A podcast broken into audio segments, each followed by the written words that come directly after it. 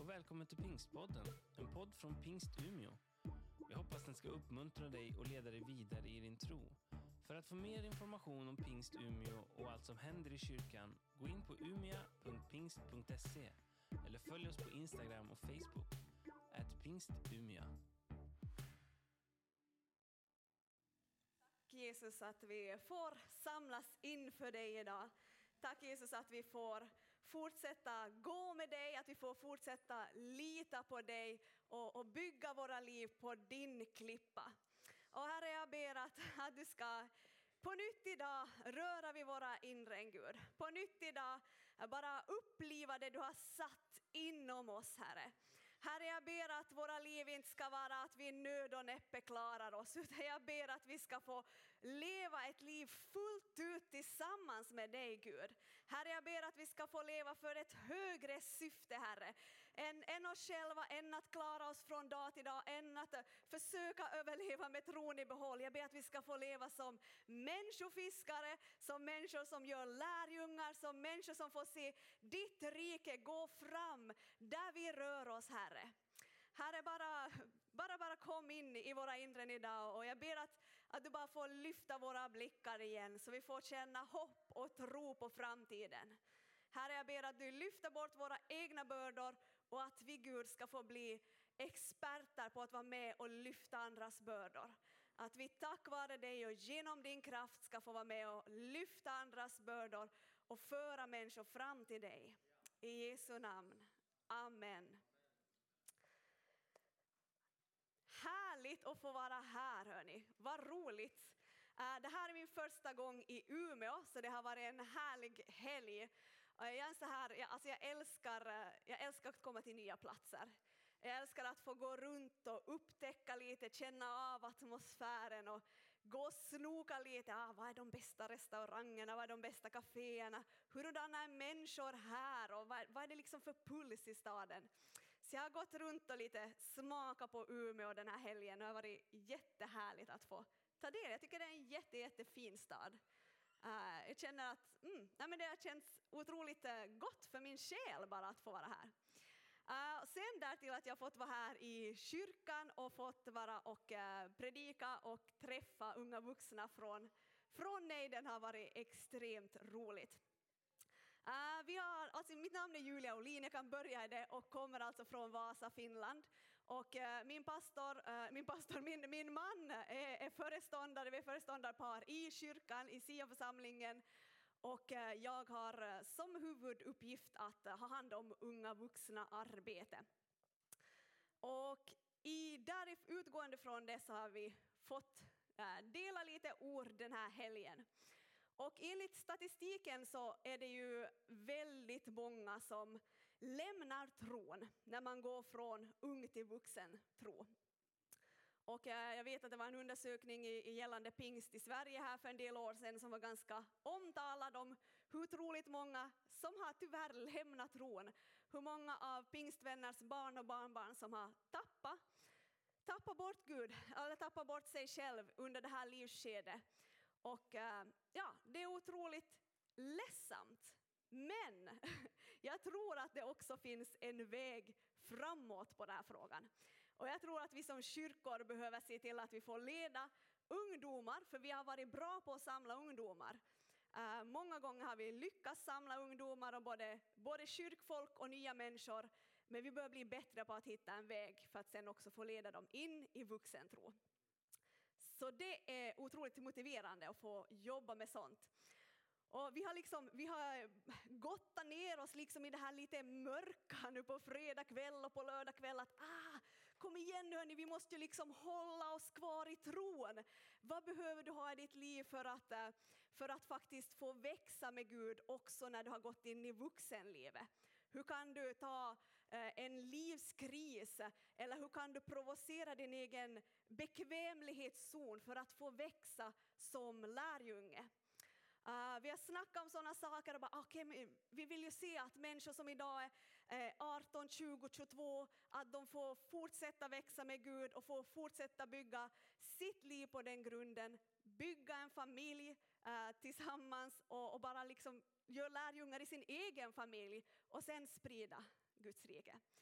okej, nu har vi liksom, därifrån kommer vi den här helgen. Uh, men jag tänker så här att det finns också the next step hela tiden. Det finns ett steg till att ta. Och eh, vi ska sätta fokus på vad jag tänker att ändå en, det som vi ska få fokusera kring. Det som faktiskt gör att vi fortsätter att växa i vårt lärjungaskap, det som ger mening till vår tillvaro.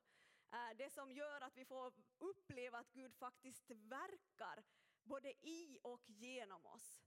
Och det är att leva för andra människor.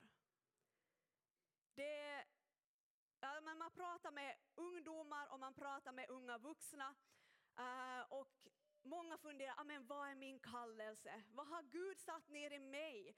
Ja, men jag är inte en typisk sån eller en sån eller en sån. Ingen av de här estradmänniskorna, menar det är så otroligt överskattat. Det är inte många som ska stå på en scen och det handlar om en timme eller två i veckan, max. Men vad har Gud lagt ner i dig? Det jag tror är gemensamt för oss alla är att Gud har kallat oss till att leva för andra människor. Jag tror det. Jag tror det är en gemensam kallelse över var och en av våra liv. Och då tycker jag vi, det är en bra sak att prata om på något sätt. Det är bra att få, få landa i det och påminna oss om det, att det är inte mer komplicerat än så. Det bästa du kan göra med ditt liv, det är att få fokusera på någon annan än dig ibland. Vad skönt! För nu har vi fokuserat, vi har fokuserat fredag kväll och lördag kväll på att hur ska du som ung vuxen få växa med Gud? Men hallå, vi bör fokusera på andra människor. Det är vår kallelse, det är Guds hjärtslag och det ska få vara vårt hjärtslag. Det ska få vara det som motiverar oss, ger oss inspiration att stiga upp på morgonen. Tänk om jag får vara till välsignelse för någon idag.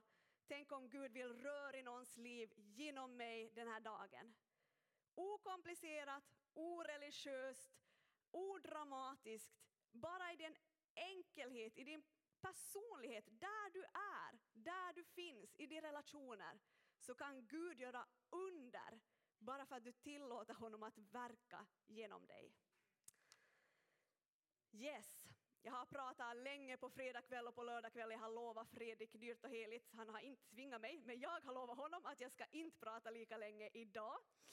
Så vi ska se hur det går, men jag tror att det kommer att gå bra. Jag känner att jag måste hålla mitt löfte om det ska sluta bra det här. Eh, vi ska därför hoppa in i dagens bibeltext. Och eh, det är Markus evangeliet kapitel 2 och vers 1 till 12. Så här står det. Uh, parentes då, bilderna som ni ser här det är från vårt uh, unga vuxenarbete och jag tycker att eh, ja, men vi har världens härligaste unga vuxna i kyrkan och runt om i vårt nätverk. Så det, jag blev, ja, men varför lägger inte, det är ju det bästa man kan se på, på människor. Så det kommer lite random bilder men det är bara för att de är så fantastiska människor. Så det får ni titta på. Några dagar senare kom Jesus tillbaka till Kapernaum. När man fick höra att han var hemma samlades så många att de inte längre fick plats ens utanför dörren. Och han förkunnade ordet för dem. Då kom man till honom med förlamad som bars av fyra män. När de för folkmassans skull inte kunde komma fram till honom, till Jesus, så tog de bort taket över platsen där han var. De gjorde en öppning, sänkte ner bädden som den lame låg på. Jesus såg deras tro och sa till den lame, mitt barn, dina synder är förlåtna. Nu satt där några skriftlärda och de tänkte i sina hjärtan, varför talar han så? Han hädar. Vem kan förlåta synder utom Gud? Och Jesus förstod genast i sin ande att de tänkte så inom sig och han sa det till dem. Varför tänker ni så i era hjärtan? Vad är lättast? Att säga till den lame, dina synder är förlåtna, eller att säga, res dig, ta din bädd och gå. Men för att ni ska veta att Människosonen har makt på jorden att förlåta synder, så säger jag dig, och nu talar han till den lame, res dig, ta din bädd och gå hem. Då reste mannen sig upp och genast tog han sin bädd och gick ut in, inför ögonen på dem alla. Och alla blev utom sig av häpnad och prisade Gud och sa, vi har aldrig sett något liknande. Yes. Jag är lite svag för de bibelberättelser det kommer in liksom en liten parentes på något sätt. Det är människor som inte nämns vid namn. Det är inte, ibland liksom tänker vi att ja, men vi ska vara som Petrus eller vi ska vara som Paulus eller vi ska vara som någon av de här stora personligheterna i Bibeln. Och ibland kan det vara svårt att relatera till dem. För om vi nu är ärliga så är ju vi väldigt, alltså vi är ju simpla människor. Vi är ju vanliga enkla människor du och jag. Eh, Inget liksom, jag menar inget illa med det här nu utan jag bara konstaterar att men är vi nu inte bara enkla människor? Är nu inte vi som, ska inte vi få se, jag tänker att vi kan identifiera oss med de här människorna som ibland inte, de nämns inte med namn, de sveper förbi. Vi hade en annan bibelhistoria som vi tittade på under helgen, samma koncept, det var en synderska, hon fick inte nämnas med namn. Det bara svep förbi men otroligt fascinerande att stanna upp och se vad är det som händer i den här berättelsen. Och likadant så tycker jag med den här. Och uh, vi ska lite kika på vad det är som händer. Ehm, um, jag tänker att de här människorna som den här storyn handlar om, att det är vanliga människor. Det skulle kunna vara du och jag. Och då tänker jag att vad är det man kan riktigt gräva fram? För det första, punkt ett. Så det vi ser att de här människorna gör är att de lever nära varandra. Det var alltså en lam man, skulle han ha varit ensam skulle han inte ha kommit sig fram. Men det här var människor som levde nära, nära varandra. De hade nära relationer. Och jag, jag, kan bara anta att det är goda vänner, kanske släktingar, men kanske också goda vänner som bara backade upp och sa, vet du vad? Vi bär dig. I'll carry you. Vi bär dig tillsammans. Så lyfter vi dig och så bär vi dig fram till det som vi tror kan vara ditt hopp. Den, jag tänker så här att, att vi i våra liv så är kallade att leva och dela våra liv så nära, både med människor som har samma tro som oss, men också med människor som inte har samma tro som oss. Där ska vi få vara och bygga så nära, genuina, äkta och ärliga relationer att vi inte kan gå förbi när ett behov finns. De levde så nära varandra att behovet var helt påtagligt. Jag visste, okej okay, det var ett speciellt fall, men tänk, jag tänker också när vi går in på själen, när vi lever så nära varandra att behovet är påtagligt. Du har delat livet med dina kollegor så nära att du vet att du vet att här är behovet. Du delar och du får vara med och kanske bära den människan för en tid.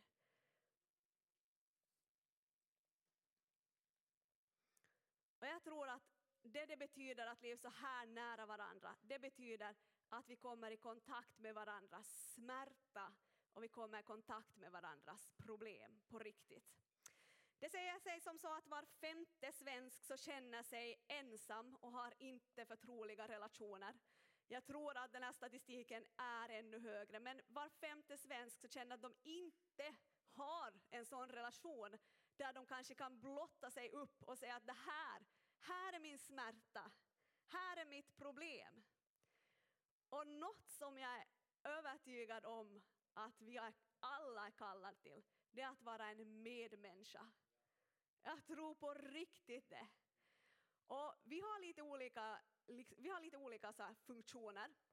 Jag är extremt extrovert och jag var och pratade en gång på, vi hade en ledarsamling i, kyrkan och jag var och pratade där och jag, nej men jag tänker när man pratar åt ledare då får man vara extremt radikal, visst? Ja, de, de tål det och så sen sållar de ändå bort det de inte tycker om och så är allihopa glada och nöjda. Jag var och talade till våra ledare och pratade om att leva Uh, så här, nej men att ta kontroll över ditt sociala liv. Hur kan du leva som, ja, som troende uh, där du faktiskt lever då för att också nå den här världen. Och jag, jag, liksom, jag är ju konkret sen när jag snackar, speciellt sådana här gånger. Så jag var extremt konkret, jag bara, vet ni vad? Vet ni vad ni ska göra? Jag tipsar, skriv upp en social kalender. Börja för dagbok över vilken människa du träffar vilken dag. Börja rannsaka ditt eget liv. Vilka människor är det du sätter tid på? Har du liksom tappat bort fullständigt att det finns människor som inte går i kyrkan, som kanske skulle borde få träffa dig en tisdagkväll eller en lördag förmiddag? hur ser ditt sociala liv ut? Och jag utmanade dem och jag liksom var konkret med siffror och nummer och ah, men så här många skulle ni kunna träffa och det här kan ni ha som målsättning. Så kommer en, en eh, man fram, han är några år äldre än mig, eh, en av eh, min mans bästa vänner, lite, lite rynkor i pannan, ser lite bekymrad ut. Han bara, Julia, tack, tack för dagens input. Jag känner mig fruktansvärt trött bara av att lyssna på dig. Jag bara, oj då, nu gick det kanske lite snett. Så med det sagt så får ni ta liksom, det filtret kan ni ha på, att jag är extremt extrovert och eh, det är inte sagt att det är din roll att ha hundra nära vänner utanför kyrkan. Men det kan vara att det är din roll att ha en nära vän utanför kyrkan. Och det kan vara att det är din roll att ha tre nära vänner inom kyrkan som du medvetet är med och bär och lärjungatränar och ber för. Du behöver se vad som är din kapacitet eller hur du funkar. Det är inte sämre eller bättre utan det är liksom kvaliteten du kan ge och att du är tillgänglig för Gud för att göra någonting för andra människor. Vad är din kapacitet? Vad är det, vad är det som Gud har lagt ner på dig? Vem, vilka människor har han lagt i din närhet att få koppla ännu djupare med? För i våra socialmedietider, i, i tider när allt ska vara flashigt och fint, och man tänker att vi lever på 2020, vi ska vara så mycket smartare, men vi blir dummare för varje år som går. Och det betyder att du och jag behövs ännu mer. Vi behövs inte mindre, utan vi behövs mer. För folk längtar efter ärliga, genuina relationer. Folk längtar efter att någon ska se dem, att någon ska höra dem, att någon ska förstå deras inre. Folk har en sån längtan efter att bli förstådda. Och jag tror att på det sätt en människa kan bli förstådd, det är att vi delar livet med dem, att vi ställer frågor, att vi är närvarande, att vi lyssnar in. Vi behöver bli bättre på att lyssna, så mycket bättre.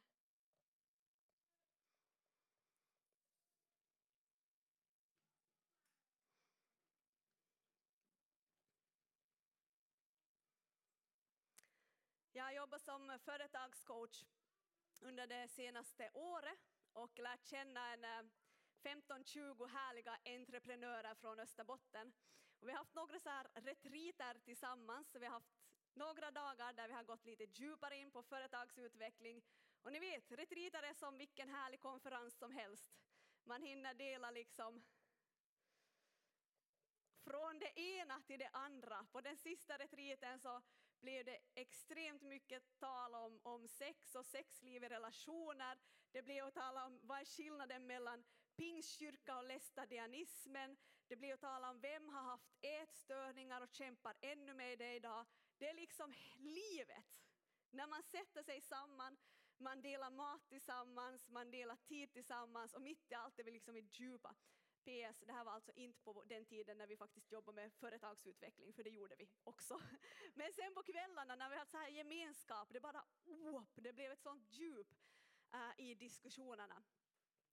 Uh, men en annan, annan retreat tidigare, uh, förra året, så, så hade vi suttit och snackat ganska mycket.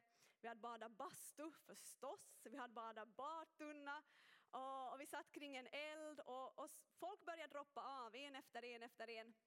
Och till sist så satt det kvar en, eh, en man som är kanske en tio år äldre än mig. Och vi satt och pratade lite och jag var så att ah, men han verkar lite så Alltså jag kände till honom från förr och, och vi hade ju också gått den här coachingen, eller han hade varit med på det här coachingprogrammet så jag kände ju honom men jag kände inte honom ändå så bra. Jag bara, ah, han verkar liksom lite introvert. Att, hur ska man, jag ska inte skrämma iväg honom för jag kan ju bli liksom lite intensiv. Jag kan bli lite så här, berätta mera. Nej, men varför tänker du så? Och så kan jag bli så där så att det känns som att man sitter på ett förhör. Och som introvert är det kanske inte det första man då vill göra med en okänd människa. Men vi satt och pratade och, och alla andra hade droppat av och, och så stannade han upp och så han bara, ja men det det är så märkligt med dig Julia. Det är så det är så lätt att bara prata med dig. det är så lätt att bara säga som det är åt dig.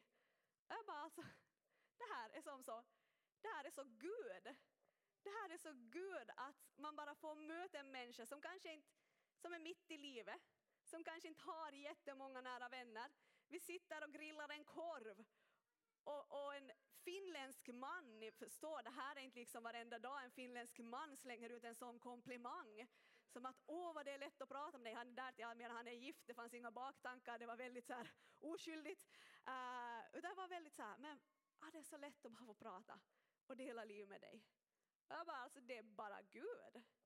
Det är bara Gud att man får sitta en sån stund och dela liv med människan. Och, och, och sen har det framkommit att, att han har vuxit upp i en troende familj, vi snackade kring det och, och uh, han fick processa lite sådana bitar. Och jag bara, men Gud, du kommer att använda den här relationen. Jag har ingen aning på vilket sätt och var och, och det kanske inte alls är jag som kommer att, att vara med och göra någonting vidare. Men jag, han vet vem jag är. Det var därför han var så här, det är så konstigt. För han vet att jag går i kyrka, han vet att jag är en så här radikal pingstvän. Och, och, och där var så här, ah, men varför är det så lätt att prata med dig? Och det är lite märkligt för folk tror inte att det ska vara lätt att prata med dig som kristen. De tror det ska vara jättesvårt och jobbigt. Att du ska vara dömande, att du ska inte kunna förstå eller leva dig in i deras situation. Men när vi visar bara på den kärlek som bor på vår insida och vi stannar upp och lyssnar och på riktigt bryr oss, då är det någonting som händer in i människors liv. Jag är säker på det. Okej, fråga till punkt nummer ett. Ni kommer få en fråga för varje punkt. Är du en människa som folk gärna öppnar sig för? Du får ta med den och fundera kring det. Är du en människa? Och igen, det betyder inte att du ska ha mängder av människor som kommer att öppna sig för dig. Det är inte kanske heller bra. Men frågan är, finns det människor i din närhet som har lätt att öppna upp? Och på vilket sätt kan du ta ännu ett steg i det här att få bli en bättre lyssnare, att få mer närvarande som medmänniska? Yes, punkt nummer två. De här vännerna, de hade ett genuint engagemang. Männen så såg inte bara den här vännens behov, utan de var beredda att göra en rejäl insats själva. De stannar inte upp, för ibland kan vi stanna upp och se behoven, ibland är de otroligt tydliga framför oss. Men vi kommer inte på att vi kan vara lösningen. Vi kommer inte på att vi kan vara en del av, av liksom Guds lösning på det här problemet. Ah, men jag tror som så att kärleken, hörni, den är alltid både ska få, få levereras både i ord och handling. Kärleken så ska inte bara handla om att vi är med och vi lyssnar utan ibland så finns det praktiska saker. Vi behöver gå över till handling för att bara få visa att, ja men på riktigt, vet du, jag älskar dig, jag vill vara en del av den här lösningen. Jag vill vara med och hjälpa dig på det sätt som jag kan, på det sätt jag har fått förmåga till. Och jag tror faktiskt det här att om våra, Gud, om våra hjärtan är vänd mot Gud så kommer våra hjärtan automatiskt fortsätta bli vända mot människor. Och jag, jag sa det också tidigare i helgen att ibland när jag funderar, men Gud finns du på riktigt? Vad har du gjort i mitt liv? Jag vet inte om ni någonsin har tvivlat på Gud. Uh, jag tror att många har gjort det och uh, jag tror det är viktigt att vi pratar om det också. Men ibland när jag blir så här, men va, på riktigt? Så en av de saker jag brukar gå tillbaka till är att se att ah, kärleken till människor, alltså någonting har hänt i mitt liv. Jag har börjat älska människor. Och jag kan säga att innan jag var frälst så älskade jag inte människor. Det var verkligen inte en grej jag gjorde. Jag var väldigt missunnsam. Jag tyckte att alla andra hade så mycket bättre, alla andra var snyggare, roligare och mer populära och, och hela paketet. Och jag tyckte att, ah, varför får de alltid liksom den här långa, den här, de, de får den här vinnande lotten och jag liksom hamnar med en nitlott. Uh, eh, men när jag blev frälst så hände någonting och jag bara började se på människor på ett helt annat sätt. Och jag kan inte för mitt vildaste tro att jag skulle kunna prestera den kärleken. Jag kan inte tro det att jag bara, mm, nu ska jag älska dig, yes. Nej, alltså jag, Ja, nej sån är inte jag. Kanske du är sån, men jag är inte sån. Uh, men där det att Guds kärlek så har någonstans landat och den bara alltid kanaliseras ut till andra människor. Våra hjärtan blir vända mot andra människor. Och jag tror då att det blir också vårt ansvar att låta den gå ut, kärleken till andra människor. För Gud vänder våra hjärtan, vi får den här enorma kärleken som vi har mottagit från Gud och sen är det upp till oss att faktiskt få föra ut den till andra.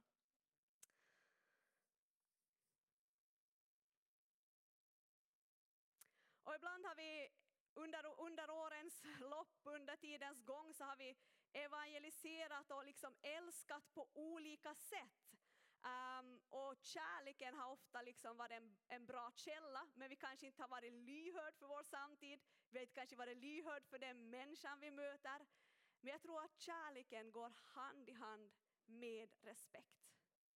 Jag tror att kärleken handlar inte om bara att du ska tuta ut sanningar till höger och vänster och tänka att yes, i Jesu namn och kärlek så bara bom, bom, bom, bom, bom. Och så kanske du gör som jag gjorde i min eh, ungdom, bränner massa broar. Uh, utan kärleken så går hand i hand med respekt. Det kan vara att du behöver köra bom, bom, bom på vissa människor för de går igång på det och talar rakt in i deras liv. Men så finns det människor som du behöver få processa med år efter år efter år. Bara älska. Kanske inte predika särledes mycket. Kanske inte säga så mycket. De vet vad du tror. De vet var du står. Du kan bara förmedla liksom Gud i dig genom att vara där och vara med dem.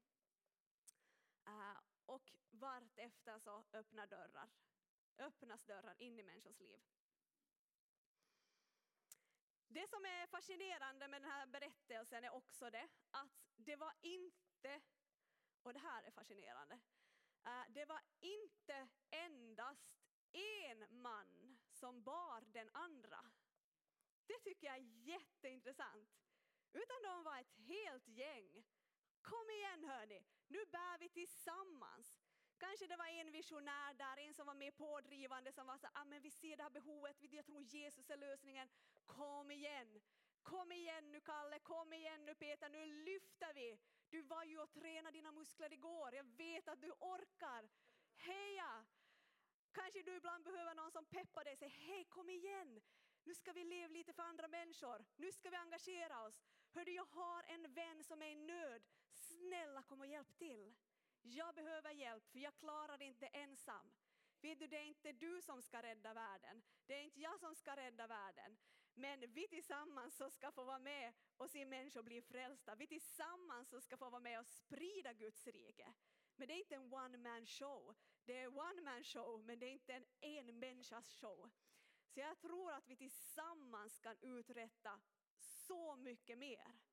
När vi bestämmer oss för att amen, vi vill tillsammans som kyrka, som församling i Umeå, som församling på era orter, vill vi göra en skillnad. Vi vill vara med och bära människor. Där finns en sån styrka hörni. Där finns en sån kraft. Och det bästa av allt, om man är flera så finns en god potential att ingen blir utbränd. Ingen blir sliten. Ingen svimmar av på vägen. Så ligger de där båda två i ett dike. Utan de bär tillsammans, kanske en i gången blir lite tröttare, men då bytte de position. Då ändrade de lite så att de, de skulle orka hela vägen fram. Jag tror så här då, istället för att du skulle bli fruktansvärt matt av att gå och bära någon annan så skulle du få ett riktigt sunt träningspass. För vissa av oss så behöver det. Vi skulle behöva lite mera träning. Kanske lite mera fysisk träning, kanske lite mera andlig träning. Kanske lite träning i att faktiskt få göra det där lilla extra för en annan människa. Som är lite obekvämt, som lite sådär, men det kommer att vara värt det. För någonting händer i dig när du har sträckt dig lite längre. Och det, det som är fint med den här gemenskapen det är att de verkligen har en tro för vad Jesus kan göra just för den här människan. Och någonstans så, så får jag bara säga att Guds tankar är så mycket högre än våra egna tankar för de människor som vi lever nära. Fråga två. Vem bär du? Eller vem behöver få bli buren i din närhet? Vem behöver en liten extra hjälp på vägen? Vem behöver bara en genuin, äkta vän? Vem behöver ekonomisk hjälp? Vem behöver en axel att gråta ut på? Vem behöver städhjälp? Ibland kan det vara så simpelt. Amen, här behöver städas. Vet vi fixar det. Det är lugnt, du är trött, du är sliten, vi fixar det. Nummer tre. De Visa vägen till Jesus.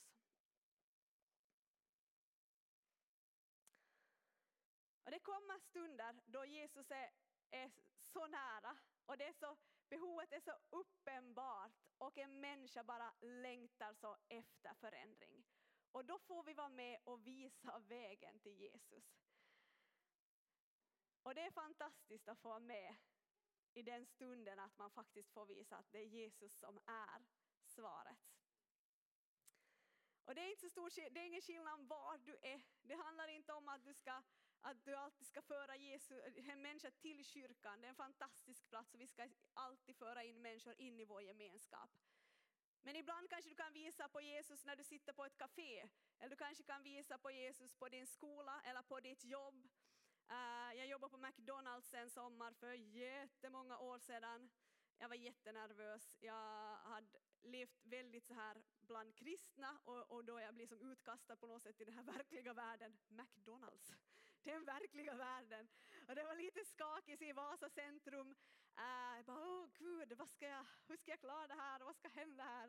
Uh, men jag, jag, en kväll så jag, jag slutade mitt kvällsskift. Det var en annan, en tjej som jag hade börjat jobba samtidigt som. Och hon hade någon smärta som hon beklagade sig över och, och var så att ah, det, är så, det är så jobbigt och det här är så ont och det är så jobbigt. Jag bara, mm, mm, ah, fy vad jobbigt. Mm. Det här, du skulle veta hur jobbigt det här är för mig, kan man ju tänka. Jag vill inte höra det här, jag vill inte höra det här för man vet vart det är på väg. Okej, okay, okej, okay, men du har smärta och det är jobbigt och det finns ingen annan runt omkring. Det är liksom grönt ljus hela vägen, Julia kör och man drar i handbromsen och bara nej gud, jag vet inte om jag vill köra. Ja, men till sist så bara okej, okay, mm. vet du vad, får jag be för dig? Är det okej okay om jag ber för dig? Uh, ja. Alltså jag, alltså jag behöver inte göra det nu, men vet du vad, jag, jag kommer be för dig. Jag, jag kommer gå hem nu, jag slutar jobba, jag kommer be för dig. Okej, okay, nej men okej, okay, absolut. Och, och, jag gick hem och jag bad för henne och uh, tänkte inte desto mer på det. Men sen var hon så här, ja men hördu, jag blir ju jättemycket bättre. Det, alltså jag blir ju frisk. Det blir ju inte alls något, det blir inte alls som jag hade befarat mig att det skulle bli. Och jag bara, men wow. En sån där liten fråga som man bara kan få ställa för att så in lite av Gud. Det här är en människa som jag absolut inte fick leda till tro. Det är en människa jag inte känner idag. Jag, jag vet inte liksom vad hon gör med sitt liv. Uh, och jag har inte sett henne på 15 år säkert. Men, uh, men jag fick så in och lite. Och ibland får vi vara där och så in det där lilla. Och ibland får vi vara den som är den närmaste vännen i 15 år och finns där konstant och inte en gång får be. Vi får be hemma, det får vi göra. Men vi kanske aldrig får tillåtelse av personen att ja men absolut be för mig. Och vi kanske inte upplever att det är tid att göra det. Men vi fortsätter vara närvarande och fortsätter att, att ändå med våra liv visa att det finns en annan väg. Okej, fråga nummer tre. Är du den som leder diskussionen till Gud och pekar på att Gud har svaret? De gånger när du faktiskt får grönt ljus, vågar du ta nästa steg och bara lyfta fram Jesus som svaret? Vågar du lyfta fram och säga, ja men vet du vad? Jag vet, alltså, ärligt sagt så tycker jag att det är um, jag tycker att det är ganska, jag tycker det är jättefint att vi har en kyrka jag tycker det är super att vi har en härlig gemenskap, för jag tror att vi är kallade till det. Och jag tycker det är så härligt att få bjuda in vänner in i den gemenskapen.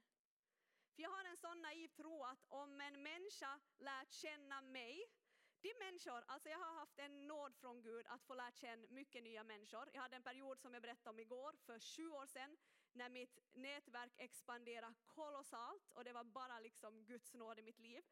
Och nu har jag haft det sista året på nytt en sån här whoop, liksom bara massa nya människor in i mitt liv. Och jag bara, det här, det är bara, bara, bara Guds nåd att, att de kommer in i mitt liv.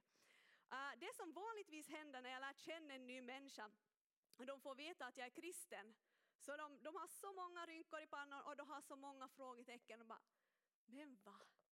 Du är inte alls som andra kristna. Men va? Du kan, kan en kristen vara som du? Och vet ni, då tänker jag att de har inte lärt känna många kristna. Det är inte som att jag är udda, utan problemet är att de inte känner några kristna. De lever inte nära andra kristna. De har en fördom, de har en bild, ni vet exakt vad jag pratar om och ni vet exakt hur jobbigt det kan vara att möta den ibland. Men det är deras enda bild av vad en kristen är.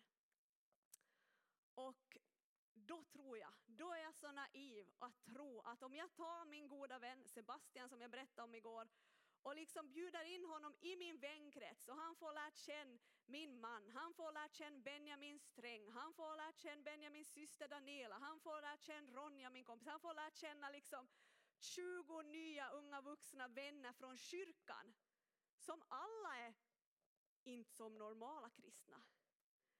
Förstår ni vad det gör en människa? Det river ner fördomar och det bygger upp en sån här öppenhet för vad tro egentligen är. När vi har fått riva ner fördomar som blir hinder för att människor ska få möta Gud så tror jag att det bara växer en möjlighet som är så mycket större när vi tillsammans utvidgar våra nätverk på något sätt. När vi bjuder in våra vänner in i våra kyrkliga gemenskaper eller tvärtom bjuder ut våra kyrkliga gemenskaper ut i världen och bara nu får vi här och umgås. Vet ni vad, jag ska på en fest på lördag. Vem hänger på? Jag kollar liksom med han som bjuder in. Det är okej okay att ta med någon vän eller två. Jag tänkte jag skulle ta med tre vänner från kyrkan. Fy vad bra, ja, men då är vi där tillsammans. Vem vet vad som kan hända? Så vidgar jag tror att det är någonting som händer i det här. I den stunden när, vi får, när människor får lära känna många olika kristna och se att det är inte som de har trott. Det är någonting helt annat, det är någonting det är någonting som Gud verkligen har fått göra på en människas insida. Det handlar inte om, för jag trodde när jag blev troende som 16, 15-16-åring, jag var livrädd för att jag skulle måste se ut och vara precis som alla andra. Jag hade exakt samma fördomar. Jag såg en kristen som en grå mus som var extremt tråkig och, och oattraktiv och introvert och hela paketet. Nu förlåt. Förlåt igen, jag säger mycket olämpliga saker. Men jag tänkte i alla fall att en, en kristen människa var extremt tråkig och att alla var exakt likadana. För alla skulle vara Jesu avbild. Då måste ju alla vara exakt likadana. Så enkel var en 16-årings hjärna. Så jag var lite rädd för det men insåg att det fanns ett mångfald även i Guds rike. Tack gode Gud för det. Och det tror jag att många runt om oss bör få se. Ja, men här är en människa som kämpar med precis samma saker som jag, men hon har Gud med. What? Varför, är hon så, varför har hon en sån frid på sin insida? Varför är hon så glad? Varför har hon en sån passion? Vad har hänt i hennes liv? Jag menar, hon, ser man utifrån så lever hon ju liksom i ett helvete. Alltså du och jag kan leva mitt i misären, men det kan vara det starkaste vittnesbördet för människor runt omkring oss som får se att mitt i att du lever i en sån utmaning så är du ändå rotad på klippan. Så står du fast med både glädje och frid och bara tacksamhet till Gud för livet fastän det just nu är så arma dåligt. Så vet du att Gud ändå håller. Och det tror jag är ett jättestarkt vittnesbörd i den här tiden. Punkt nummer fyra. Lita på att Gud håller.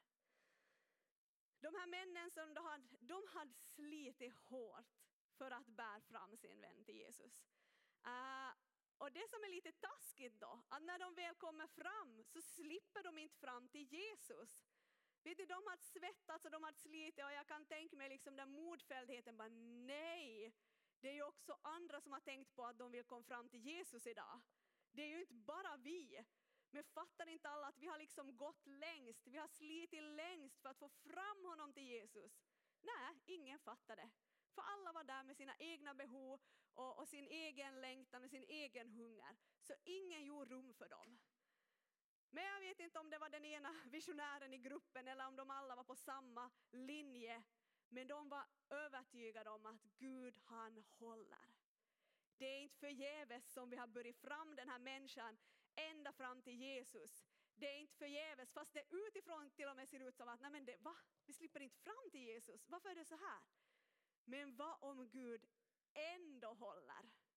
Vad om Gud ändå håller när det ser hopplöst ut och du har bett för en människa år ut och år in. Jag har haft flera av mina goda vänner som i tillfällen har varit så öppna för evangeliet och de har varit med till kyrkan och de har varit nyfikna, de har ställt frågor men vet ni, de har inte blivit frälsta. Ska jag ge upp då? Jag säger men de, de är mina vänner men de har jag gett upp på. De har fått sin chans med Jesus, nu är det kört. Nej, för vet ni, jag tror att Gud håller. Och jag tror att det finns nåd för deras liv. Jag tror att det kommer finnas flera tillfällen när Gud är där och säger nu, nu. Eller när kriser i deras egna liv kommer och driver dem fram till Gud. Och de kommer och tänkte tillbaka på att men det var någonting där i kyrkan när jag var dit. Det var någonting där när Julia sa det där denna gången. Och någonting kommer att röra om i deras inre. När vi vågar lita på att Gud håller hela vägen. Även då de inte kunde se en tydlig väg framåt så fortsatte de att tro och kämpa för sin väns skull. Och så övertygad bara om att Gud hade någonting fantastiskt, att Jesus hade någonting fantastiskt för den här människan. När saker och ting inte går som du har tänkt, vågar du fortfarande lita på Gud? Det är frågan. När saker inte går som du har velat planera, vi vill tänka igenom, vi vill liksom, ah men så här och ett och två och tre och fem steg till frälsning och what not. Men när det inte går som du har tänkt och det händer saker, vågar vi fortsätta lita på Gud. En av mina så här, så här konstanta böner, eller konstant så här, som på något sätt är så här, som jag bara andas ut, här, men Gud, jag litar på dig. Det är mycket jag inte förstår. Det är mycket jag inte fattar av bara, vad har han tänkt? Vart är mitt liv på väg? Vart är våra liv på väg? I olika perioder kan man vara helt upp och ner. Men någonstans så har den här grunden varit, men jag litar på dig. Jag fortsätter lita på dig. Och det är inte upp till mig, utan det är upp till dig. Och vi kan bara vara där, vi kan föra människor fram till Jesus, vi kan finnas till hands, vi kan bära varandra. Vi kan gå ännu den där extra milen fast det ser lite mörkt ut. Så bara, nej, vi, ah, vi måste få träffa Jesus. Men sen är det inte i våra händer. Sen är det inte upp till oss, utan sen är det, sen är det Guds tur att gripa in. Och det är min sista punkt. Punkt nummer fem, att ge rum åt Jesus.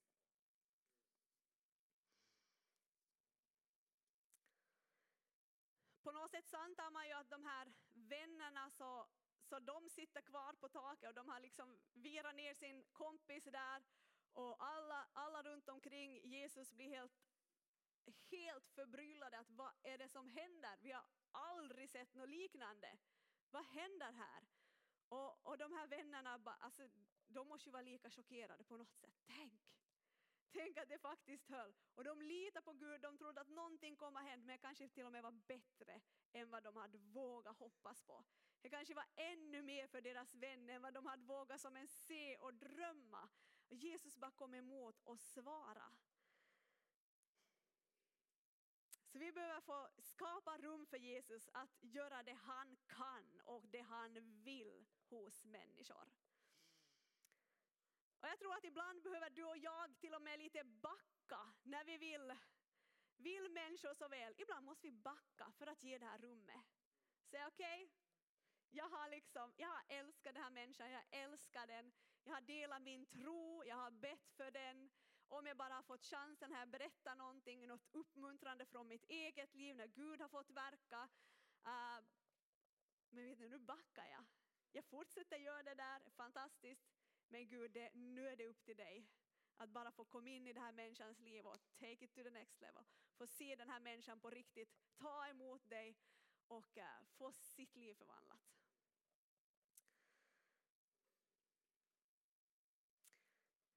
Femte frågan.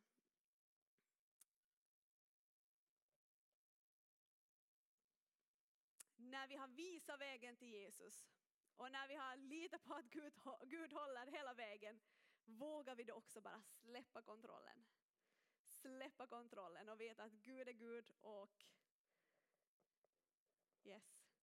På något sätt, vi, alltså vi har ju ett sånt fantastiskt budskap. Vi har ett Uh, vi är kallade till ett liv liksom i action, att få göra lärjungar, um, att få vara med och liksom se människoliv bli förvandlade.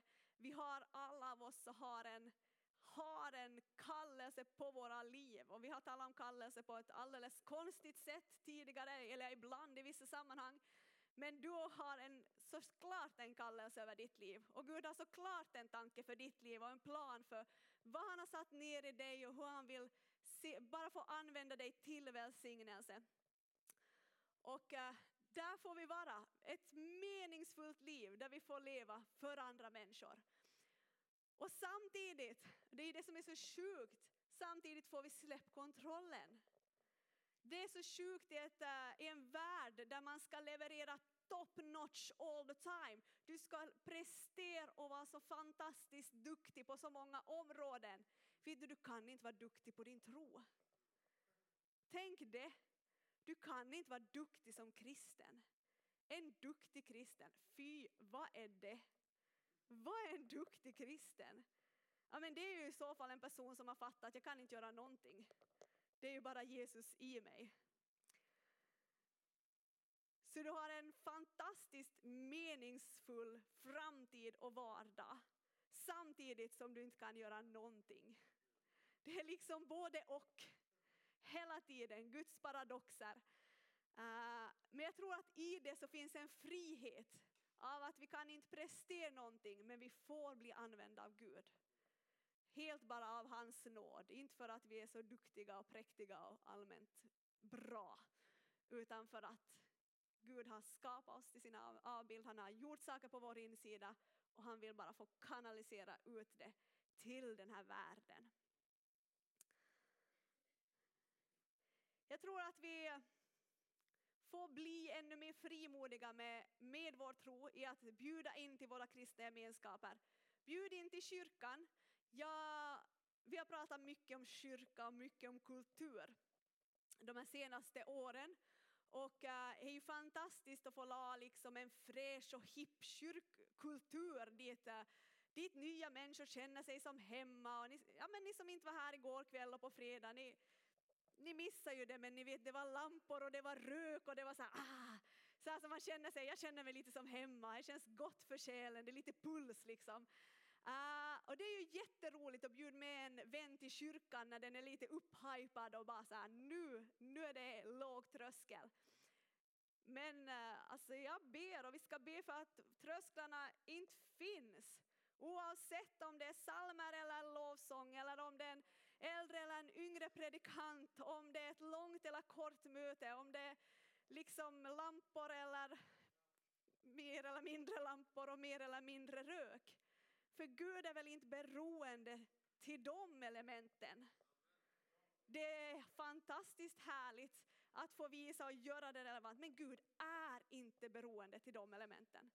Jag berättade på fredag kväll hur jag kom till tro, jag kom till en konferens och det kändes som, det var knappast så, men det kändes som att alla hundratals ungdomar som stod runt omkring mig, alla stod och bad högt i tungor och jag trodde att alla var sinnessjuka. Och mitt i det mötet så blir jag frälst. Det var inte anpassat för mig ska jag säga. Det var inte min stil, det var inte liksom mitt uttryck. Men mitt i det så valde Gud ändå att röra vid mitt liv. Så vi ska göra vad vi kan för att få del evangeliet så människor förstår det idag. Leva liv som får vara med och påverka andra människors liv. Men vi behöver inte vara rädda. Vi behöver inte vara rädda för att Gud han har ändå kontroll. Han kan ändå verka utanför våra ramar. Det behöver inte vara så att din kompis måste bli frälst helst i din kyrka. Det kan fortfarande vara på nattklubben, kaféet, på din skola eller på ditt jobb eller någon annanstans.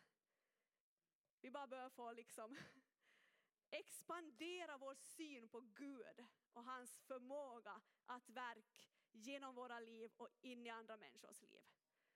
Det är, inte, det är inte fast i byggnader, det är inte fast i sätt vi kommunicerar. Det är inte fast i vår egen excellens eller duktighet eller teologiskt kunnande. Jag tycker att det bästa av allt, när folk frågar, en sak som människor har varit så rädda för många gånger, att nah, oh nej, oh nej, tänk om någon frågar någonting om min tro. Jag vet inte vad jag ska svara. Tänk om någon frågar att finns det, tror du på riktigt att det finns ett helvete och en himmel? Och jag bara, jag vet inte vad jag ska svara på det. Tänk om någon frågar om, om evolutionen, tänk om någon frågar om sex, tänk om någon frågar om, om, om dopet, tänk om någon frågar liksom, vad ska jag svara? Jag tror inte du behöver vara så rädd för det. Du behöver inte vara rädd för att du ska svara. Jag tycker ibland att det allra bästa svaret vet du, jag vet inte. Vet du, jag vet inte. Men jag kan ta reda på det här. Jag ska fundera på den här saken och så nästa gång vi ses så kommer jag berätta vad jag tror om den här saken. Så kan man göra. Och så kommer du få ett till chans att berätta lite om, om någonting som är viktigt för den personen men kanske varit avgörande för ditt eget trosliv. Eller så kanske du bara får säga, vet du det här spelar ingen roll för mig. Det här är så oväsentligt. Det här påverkar inte min relation till Gud. Det är en supersvår fråga och jag har inte svar på den. Men det jag vet är att Gud rör vid mitt liv och Gud har gjort någonting på min insida. Och det är det som är viktigt för mig. Och det fortsätter jag leva för. Sen kommer jag jobba med de här svåra frågorna och de är viktiga att vi jobbar med. Men det är ingen fara, vi behöver inte vara rädda. Utan vi får vara frimodiga. Jag tror verkligen det. Så vem skapar du rum för? Vem ska du få vara med och bära det här året? Vilka människor har Gud satt i din väg som du ska få vara med att bara uppmuntra och så in någonting i? Och jag vill ännu lyfta ett slag när jag tänkt på den här dagen så vill jag lyfta ett slag för det som jag ser som en av församlingens stora styrkor som vi inte alltid lyfter upp så bra, vi tar det ofta som ett problem. Men det som jag tycker är så fantastiskt med kyrka, det är vårt mångfald. Vårt kulturella mångfald men också vårt generationella mångfald. För det finns inte många sammanhang i samhället där man kan komma från så breda sammanhang och så bred åldersspann och samlas kring en samma passion, en samma tro. Någonting som är så viktigt att vi kan komma samman från så olika håll. Och jag tror att det här med generationer, hörni. Jag vill bara på något sätt uppmuntra det nu innan vi ska gå in i, i bön och eh, lovsång, förbön. Eh, men ta tillvara på det här generationella. Jag berättade också om min goda vän Olof Padda som tyvärr dog för några år sedan.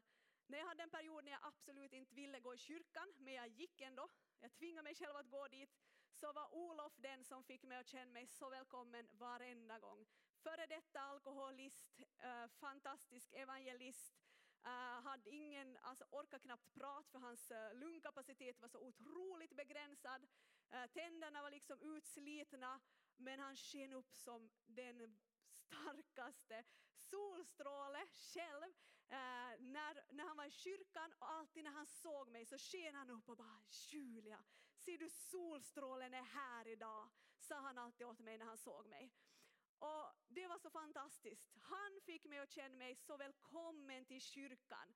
Fast jag mådde dåligt, fast jag var, inte visste vad jag ville och vart jag var på väg och jag hade en kris så Olof var där och uppmuntrade mig. Vecka ut, vecka in, vecka ut, vecka in. Aldrig liksom ställd mig mot väggen eller skulle på något sätt ha varit vill du, åh nej men Julia skärp dig, nu ska du sitta längre fram, varför sitter du där bak? Då han bara, Julia det är så roligt att se dig. Vad kul att du är i kyrkan idag. Vad kul att du är här, vad roligt att få se dig. Och jag, vi har inte hunnit dela mycket liv tillsammans, han dog alldeles, alldeles för tidigt. Men han har varit en sån här som jag bara kommer att bära med mig. En vacker dag vill jag vara en Olof för någon annan. En vacker dag vill jag vara den som ser den som är många tiotal år yngre och bara uppmuntrar sig, vad kul att du är här idag. Så ta ditt mandat var än du finns. Ta ditt mandat om du är ung, så uppmuntra de äldre som har gått före. Du som är äldre, ta ditt mandat och se de unga och bara ge dem en komplimang. Ge dem lite energi på vägen. För de har förhoppningsvis ett långt liv framför sig, ett långt lopp att springa. Så var med och peppa, var med och heja på varandra. Lyft varandra. Och använd den här styrkan vi har av mångfald, av många olika åldrar till att bli någonting uppbyggande för Guds rike. För det är otroligt, otroligt motiverande att få bara se människor som har gått så mycket längre än själv. Det är så uppmuntrande. För mig har det alltid varit oerhört viktigt att kunna se, när jag var ungdom måste jag se en ung vuxen som gick med Jesus och levde ett liv som jag ville leva. Nu när jag är småbarnsförälder vill jag se att det finns finns folk som har gått vidare och överlevt småbarnsperioden, gått in i att ha själva tonåringar, fortfarande lever ett attraktivt liv, ut i världen, i kyrkan, passionerad för att få leva med Gud och bara älska livet. Och så är det livet ut. Vi behöver få se de här som har gått före. Så var, ta vara på varandra. Ta vara på den här styrkan. Nu så får lovsångarna komma fram, tror jag. Yes! Härligt! Vi har fått känna tillsammans hela helgen och det är så toppen. De är grymma.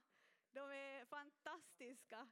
Och det känns väldigt tryggt att få predika idag när jag vet att vi är samma gäng här som jag prisar Gud. Uh, vi kommer att köra lite lovsång och lite förbön.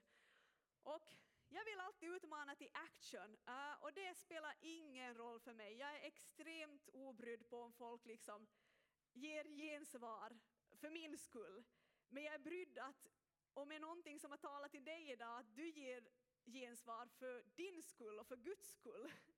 Att du får ge gensvar uppåt och säga, men Gud, jag känner att jag behöver kanske bredda lite. Jag kanske behöver lite öppna upp mitt liv och sluta fokusera lite, lite mindre på mig själv och se lite, lite, lite mer på vem jag har runt mig, vem Gud har kallat mig att vara en välsignelse för just nu. Äh, vi reser oss upp och så ska jag be en bön till Gud.